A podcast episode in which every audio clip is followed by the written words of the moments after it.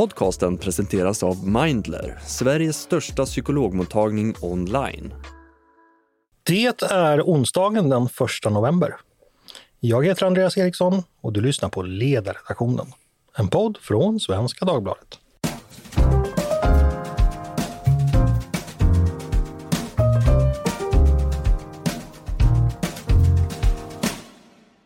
Varmt välkomna till oss igen, så här i novembermörkret. För två veckor sedan tog eh, regeringen och klimat och miljöminister Romina Pourmokhtari emot en utredning om Sveriges framtida klimatpolitik. Bakgrunden till att det utreddes det är ju att EU i våras beslutades om en klimatplan för hela unionen som heter Fit for 55. Och nu var frågan om och i så fall hur Sveriges politik på klimatområdet behövde ändras. Det här har ni säkert hängt med i. Som ni vet så har vi i Sverige sedan 2017 ett klimatpolitiskt ramverk som innehåller klimatmål. Och det långsiktiga målet som sattes då är att Sverige år 2045 inte ska ha några nettoutsläpp av växthusgaser. Och därefter ska vi uppnå negativa utsläpp. Det finns också två etappmål här, ett 2030 och ett 2040.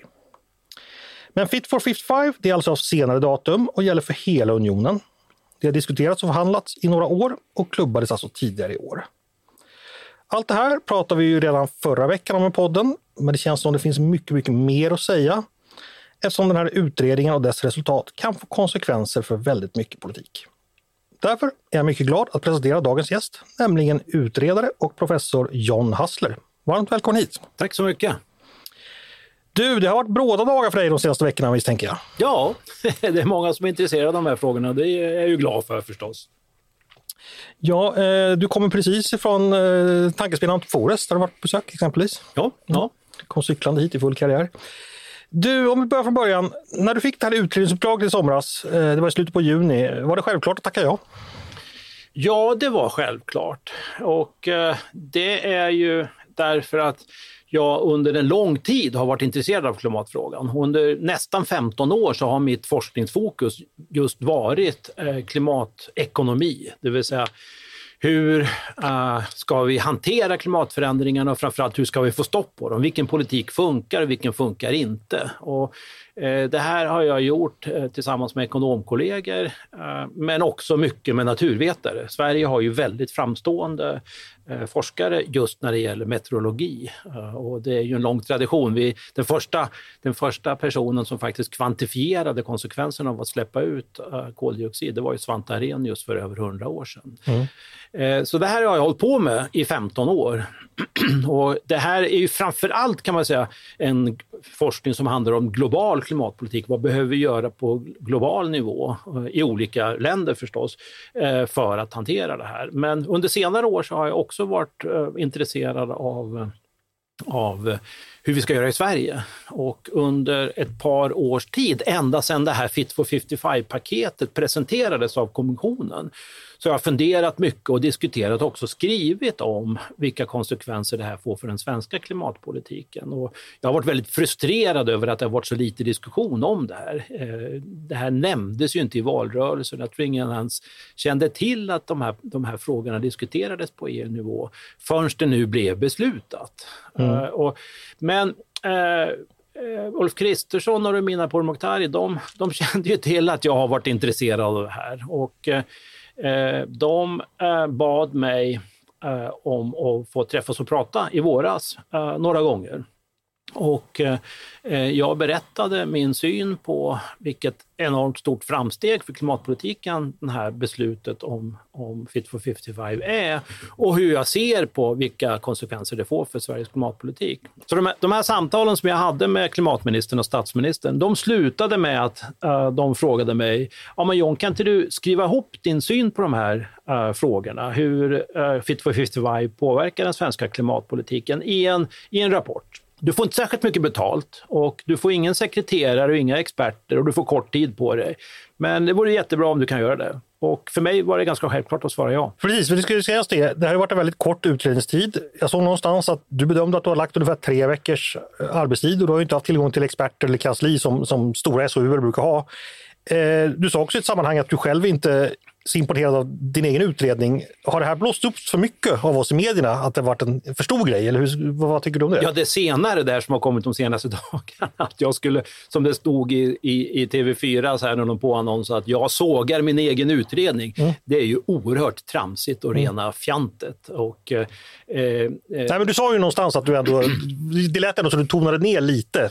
Nej, det, jag, vad jag ville säga det var att eh, det här, den här liksom som har vuxit fram eh, hos mig, synen på uh, hur Fit for 55 påverkar den svenska klimatpolitiken och vad vi behöver göra. Den synen har ju växt fram i samtal med andra forskare, min egen forskning, men också med många ehm, eh, debattörer och representanter för olika intressen i Sverige. Så att jag fick på den här konferensen där det här bandades då eh, kommentaren från många, ja men det här är jättebra grejer och flera av dem har vi ju sagt tidigare mm och drivit. Och då sa jag, ja, nej, men så är det. Jag har, och därför är det, det här, den här utredningen är inte imponerande i den meningen att den kommer med massa nya radikala förslag som inte har funnits på bordet tidigare. Det, I den meningen är jag inte särskilt imponerad. Jag brukar inte vara särskilt imponerad av mitt arbete överhuvudtaget, men, men det är inte så otroligt eh, radikala och nya saker och, och i den meningen är det inte imponerande. Hej, jag Ryan Reynolds. På Mint Mobile, we like to do the opposite of what Big Wireless does. They charge you a lot. We charge you a little. So naturally, when they announced they'd be raising their prices due to inflation, we decided to deflate our prices due to not hating you. That's right. We're cutting the price of Mint Unlimited from $30 a month to just $15 a month.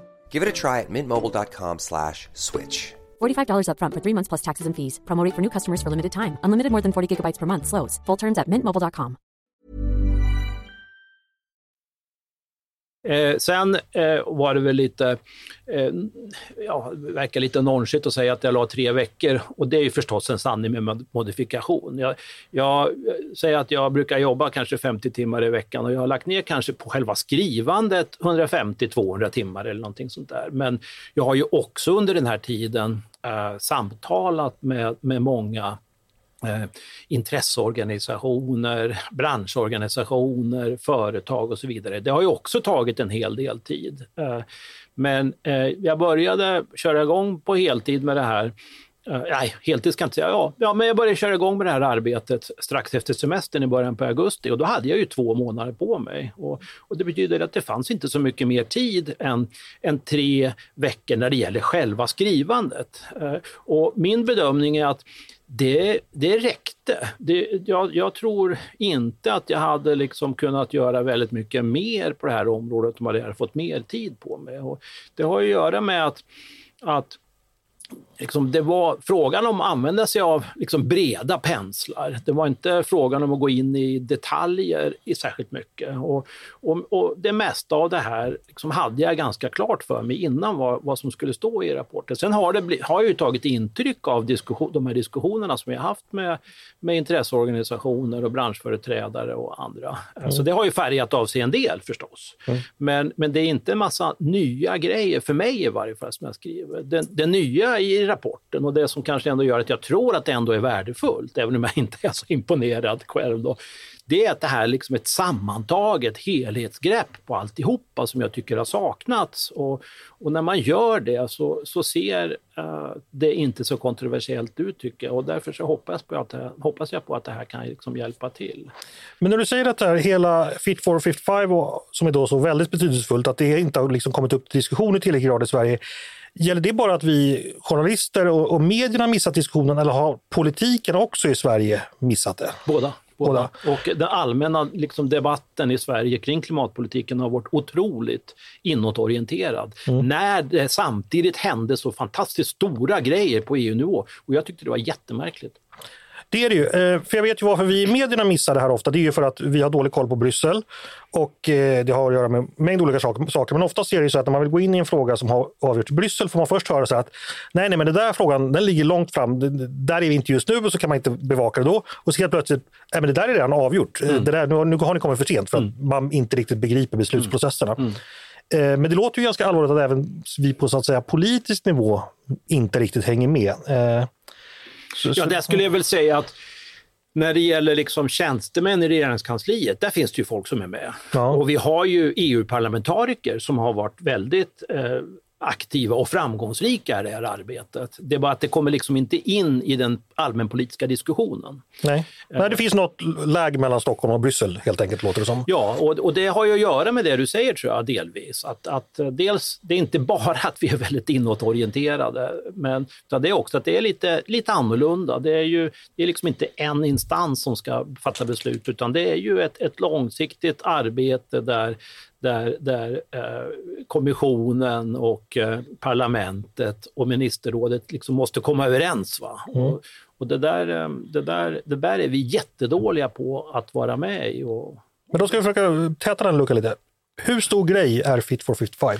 det är en jättestor grej. Och eh, det är, eh, EU har ju sedan tidigare beslutat om klimatmål som är eh, ja, på samma sätt som Sverige har beslutat om klimatmål och de är ungefär lika ambitiösa. Men det som är det nya med Fit for 55, det är att man också beslutar om de åtgärder som faktiskt med tvingande kraft kommer att fasa ut det fossila i den takt som krävs för att nå de här målen.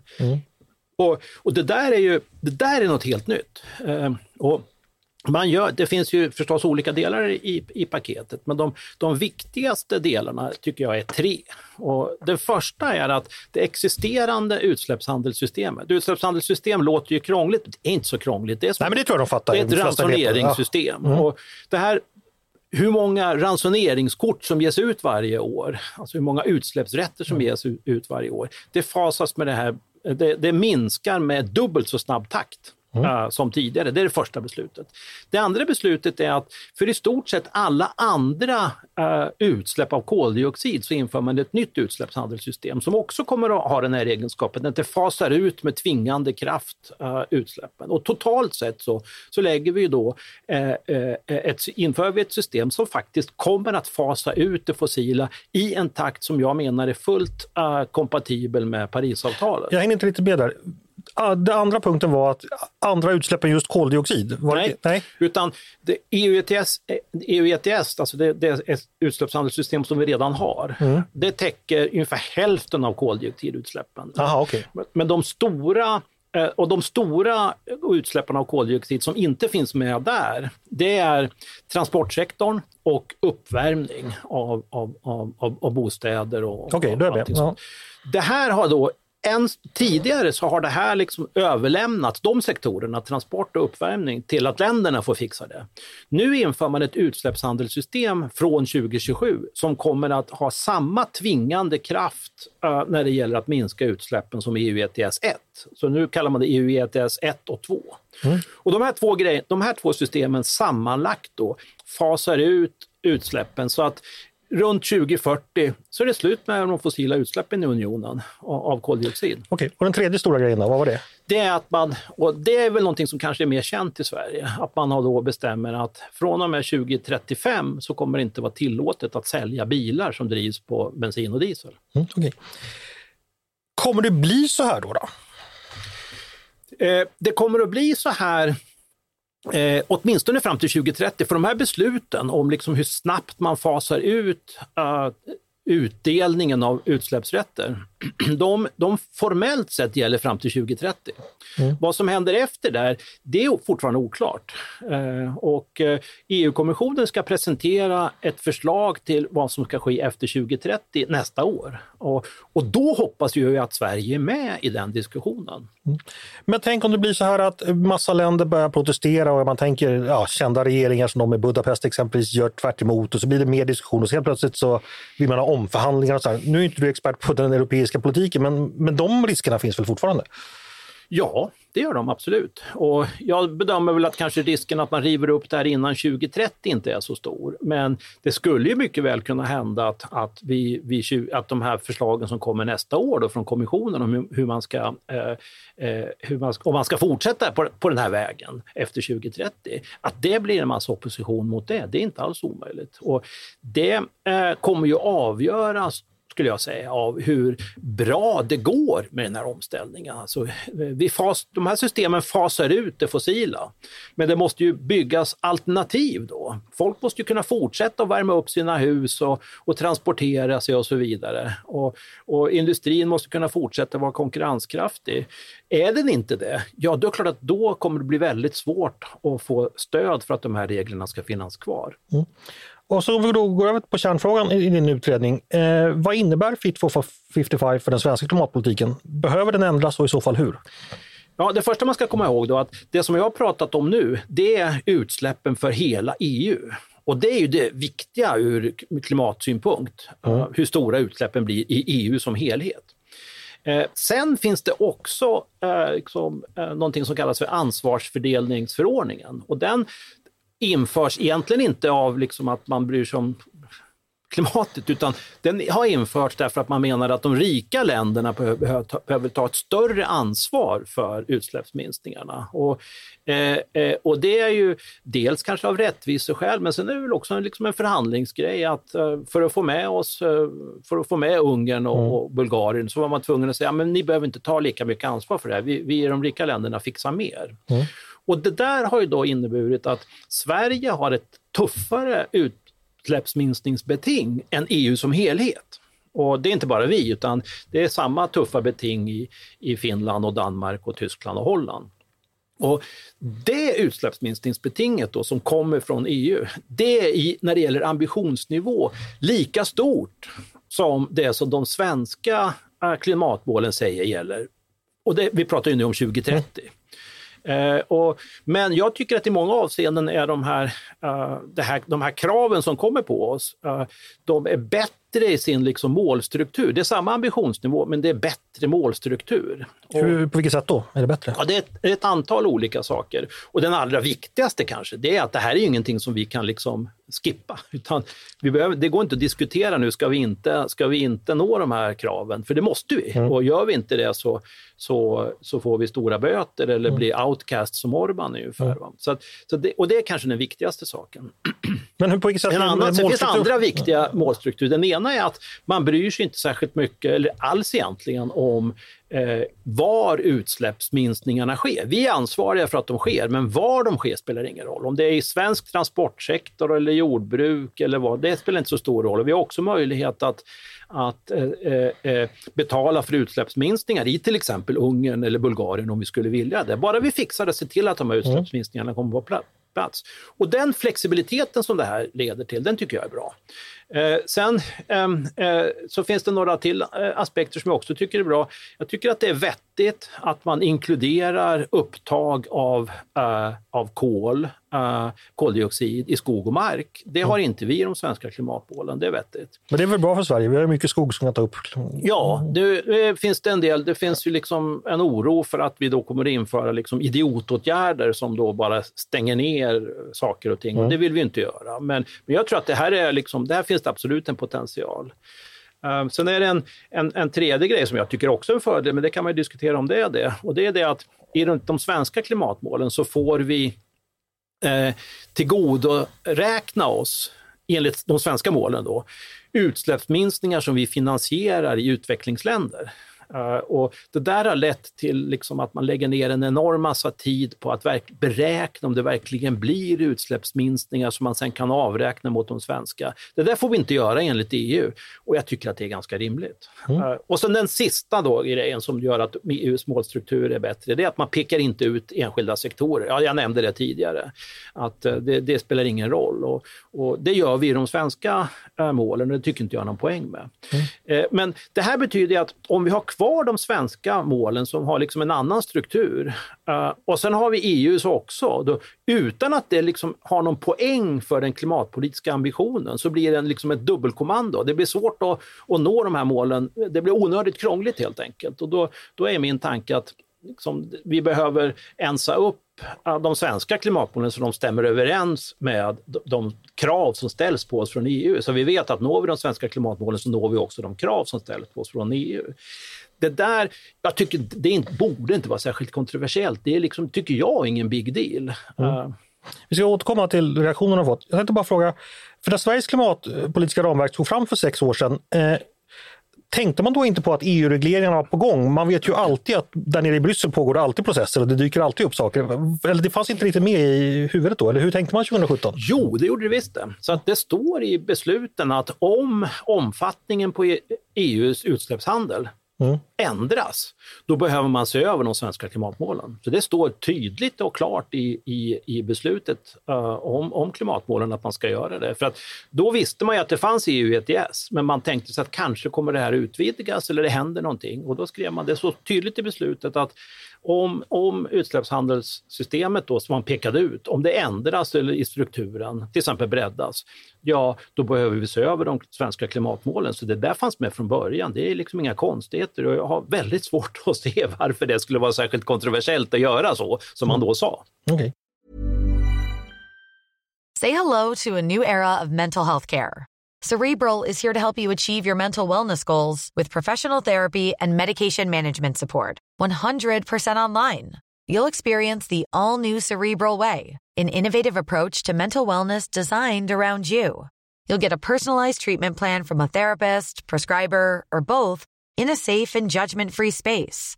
Your cerebral therapist or prescriber will outline a customized plan with clear milestones along the way so you can get to feeling your best. With Cerebral, you're not alone in your mental health journey. We're here to empower you to live a fulfilling life. So take that first step towards a brighter future and sign up today at cerebral.com slash podcast and use code ACasts to get 15% off your first month. Offer only valid on monthly plans. Other exclusions may apply. Offer ends July 31st, 2024. See site for details.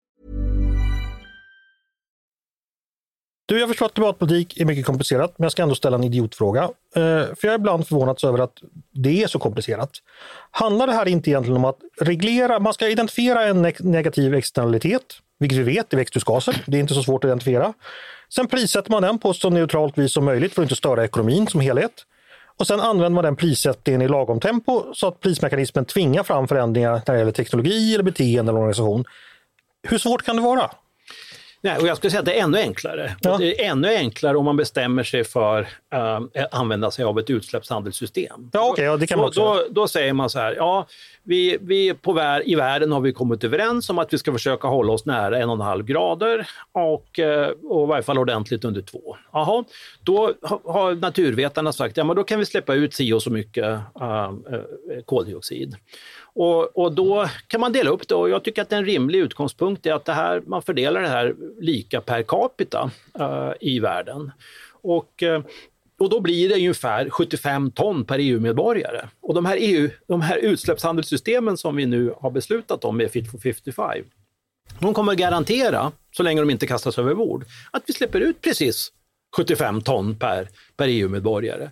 Och då är, då är det fixat. Men vad bråkar vi om då? Eller bråkar folk i onödan? Eller vad? Ja, och eh, en, en poäng, liksom, ja, jag tror att man bråkar i onödan. Mm.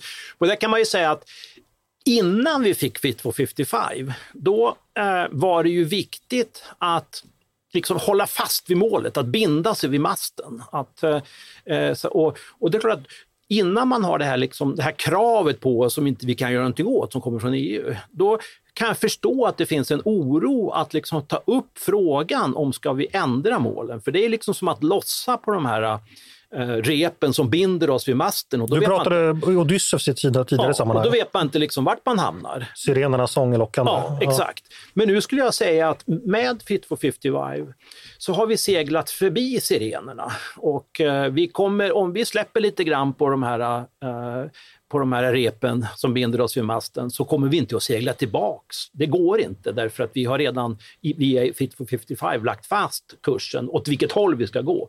Men vi behöver göra liksom vissa mindre justeringar och det ska vi inte behöva vara oroliga för. Det är liksom ingen big deal. Utan nu ska vi fokusera på det som är det viktiga i min rapport. Och det är det att de här systemen som jag pratade om, de fasar ut det fossila. Men de ser inte till att det växer fram något nytt. Det måste vi fixa själva.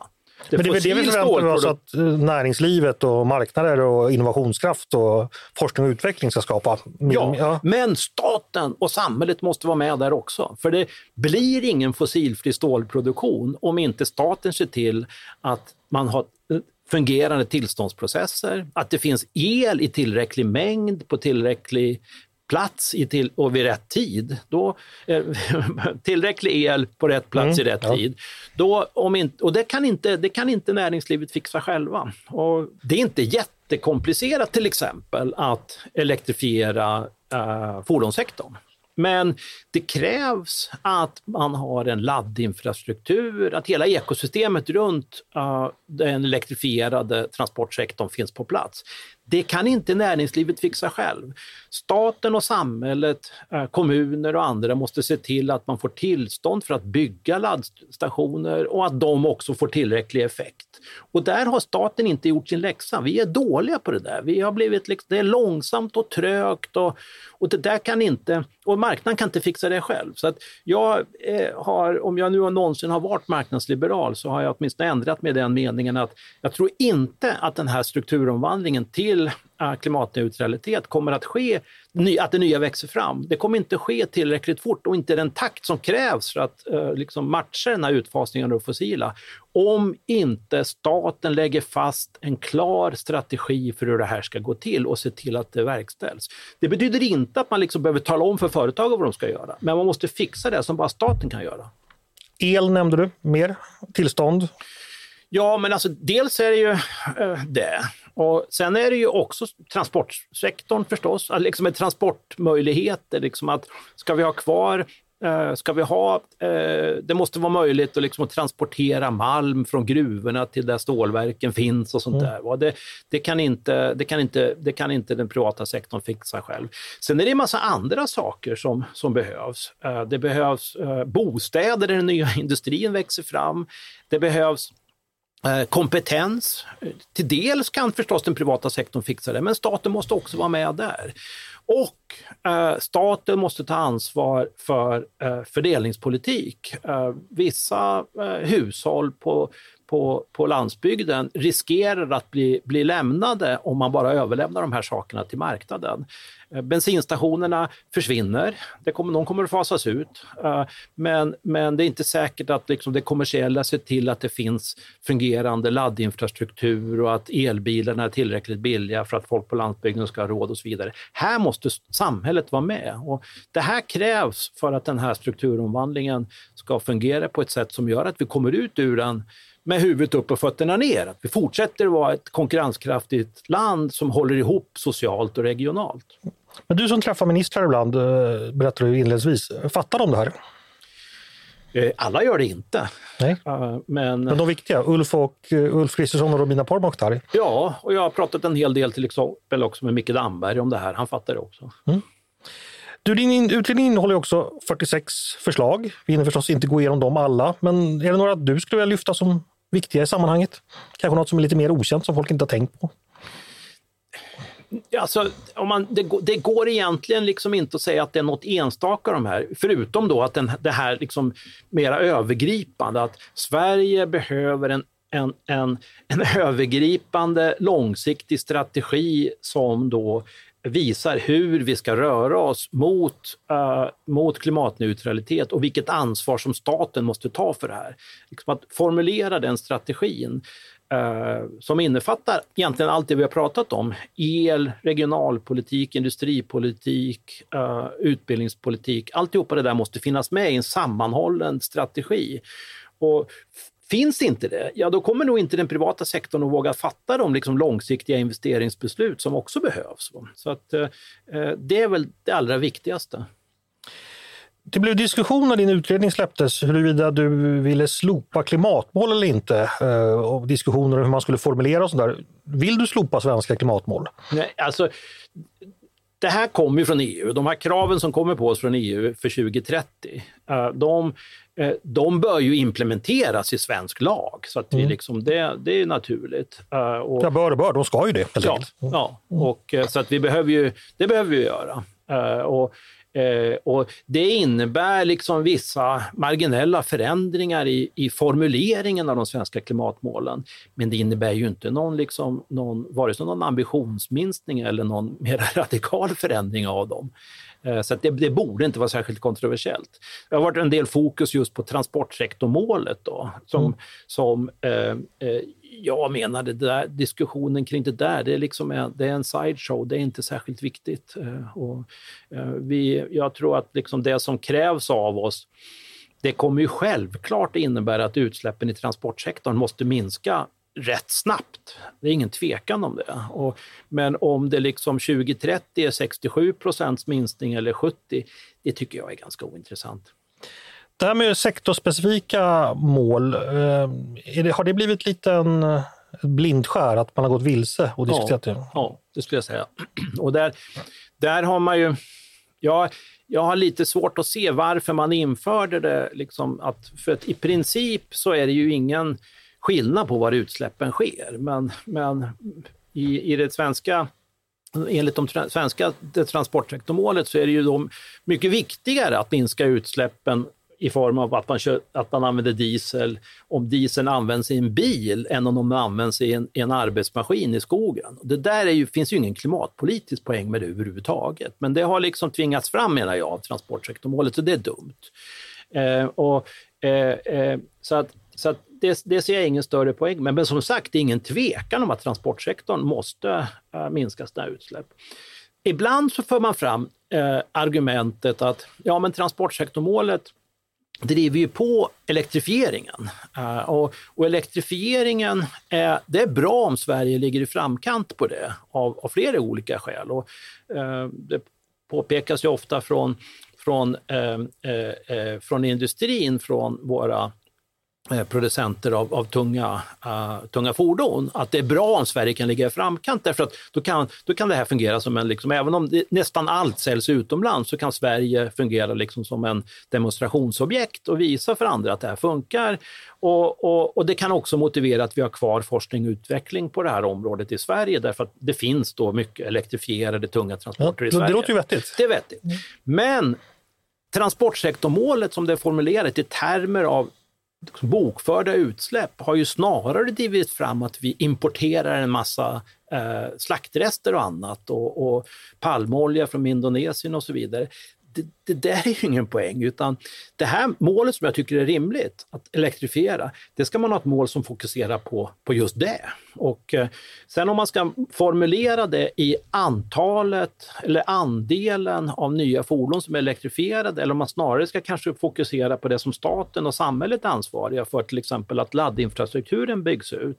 Det har jag inte riktigt tagit ställning till, det behöver man diskutera, men, men det är där man behöver fokusera på. Så att jag har sagt då att transportsektormålet behöver skärpas i den meningen att det ska vara ett skarpare fokus på det som vi faktiskt vill, nämligen att, att elektrifiera, inte mm. att dammsuga världsmarknaden på slaktrester.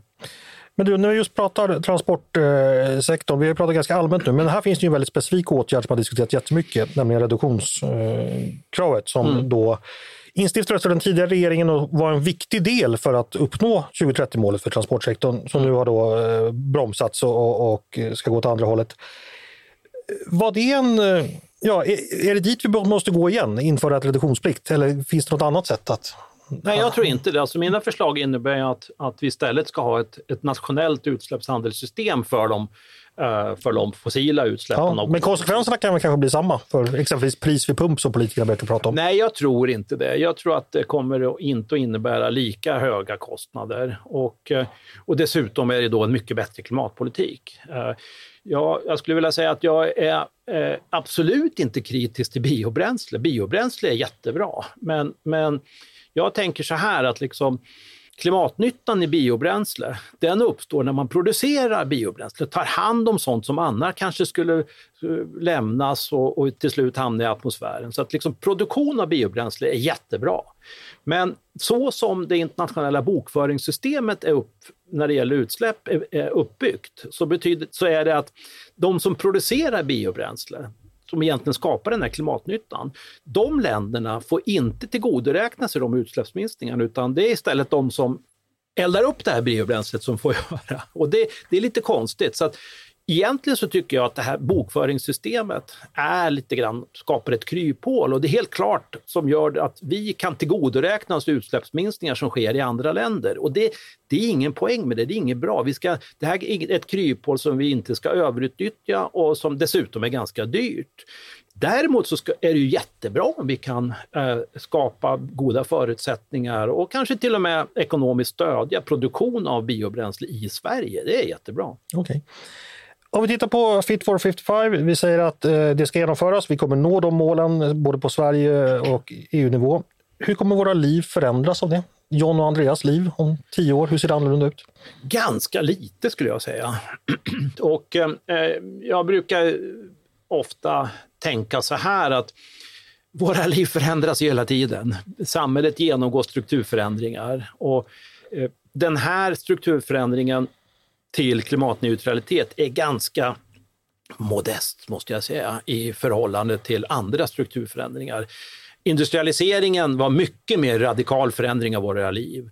Digitaliseringen som pågår nu är mycket mer radikal förändring av våra liv än vad omställningen till klimatneutralitet är. Jag menar, I grunden handlar det ju om att eh, framförallt tung industri i Sverige måste bli klimatneutral.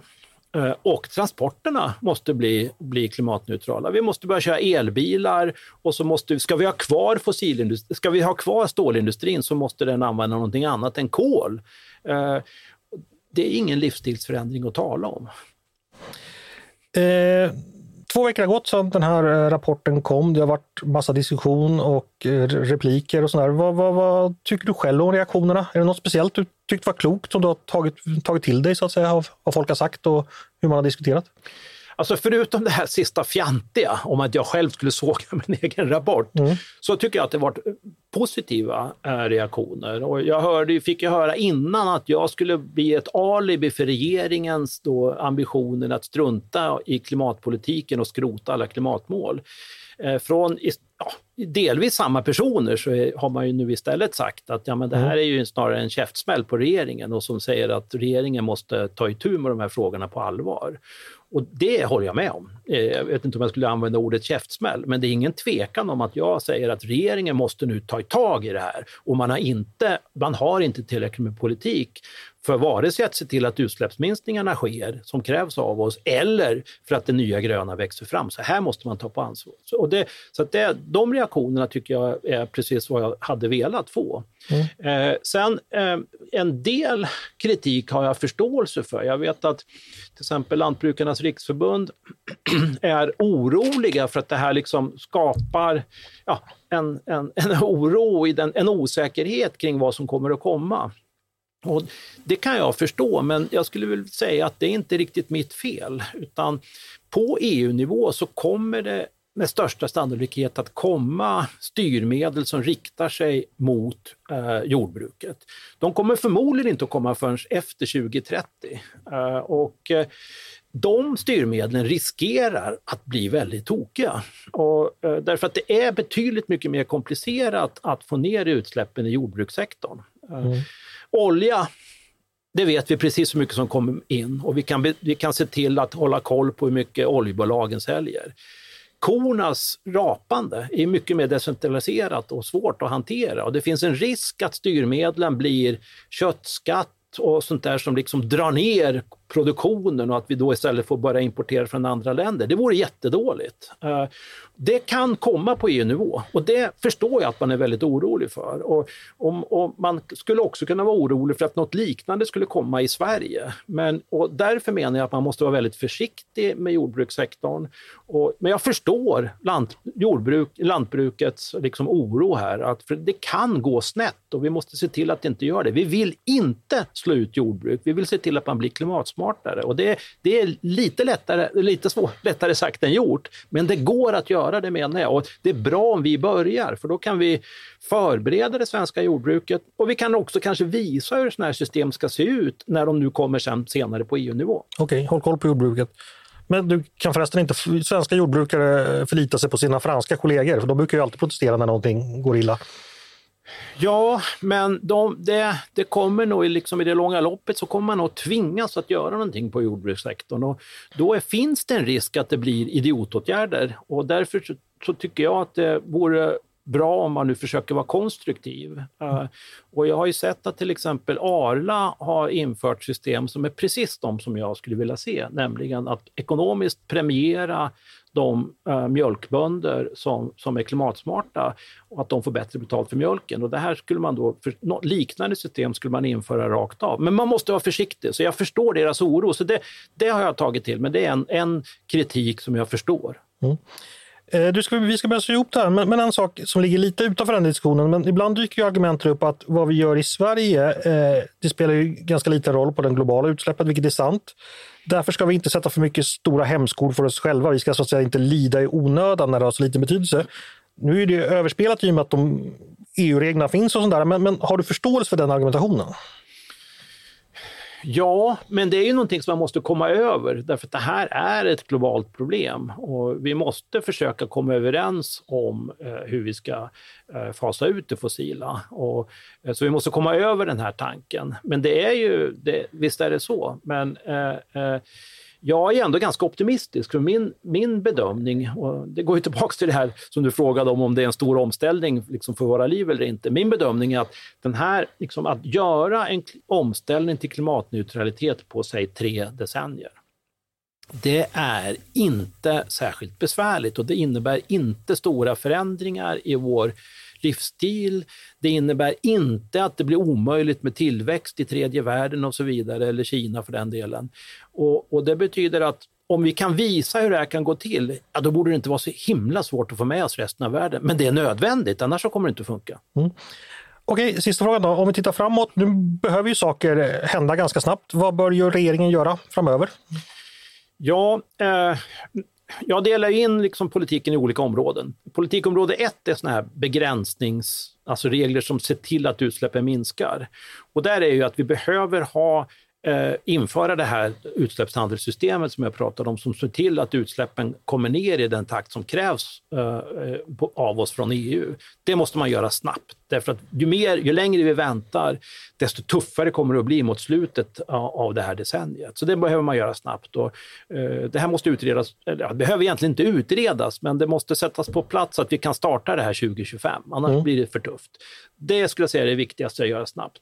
Sen eh, när det gäller att se till att, att det nya växer fram, där är det ju de här sakerna som har att göra med att vi behöver se till att det kommer tillräckligt med el. Eh, och, Eh, och där behöver man jobba på alla de fronterna. Man behöver se till att, det, eh, liksom att, att de som eh, kan drabbas av till exempel vindkraft lokalt, de måste få bättre ersättning. Kommunerna måste få en del av de, de vinster som görs i energisektorn via en fastighetsskatt.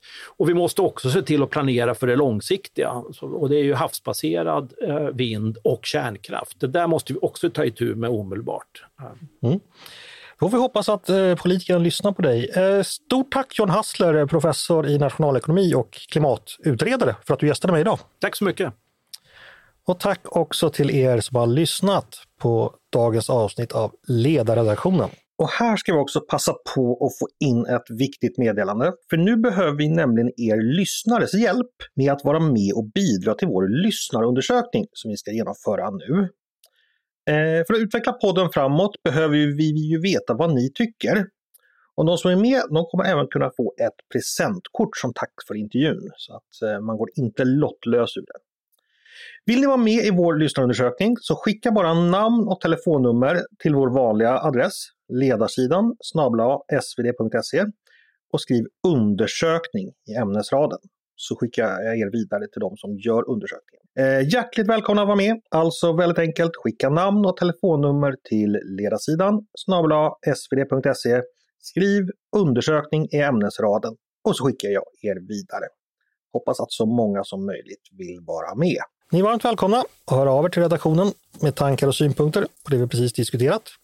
Men också förstås om ni har idéer och förslag på vad vi ska ta upp i framtiden. Då är det bara att mejla till ledarsidan snabla svd.se. Dagens producent, han heter som alltid Jesper Sandström. Själv heter jag som alltid Andreas Eriksson och precis som alltid hoppas jag att vi hörs snart igen.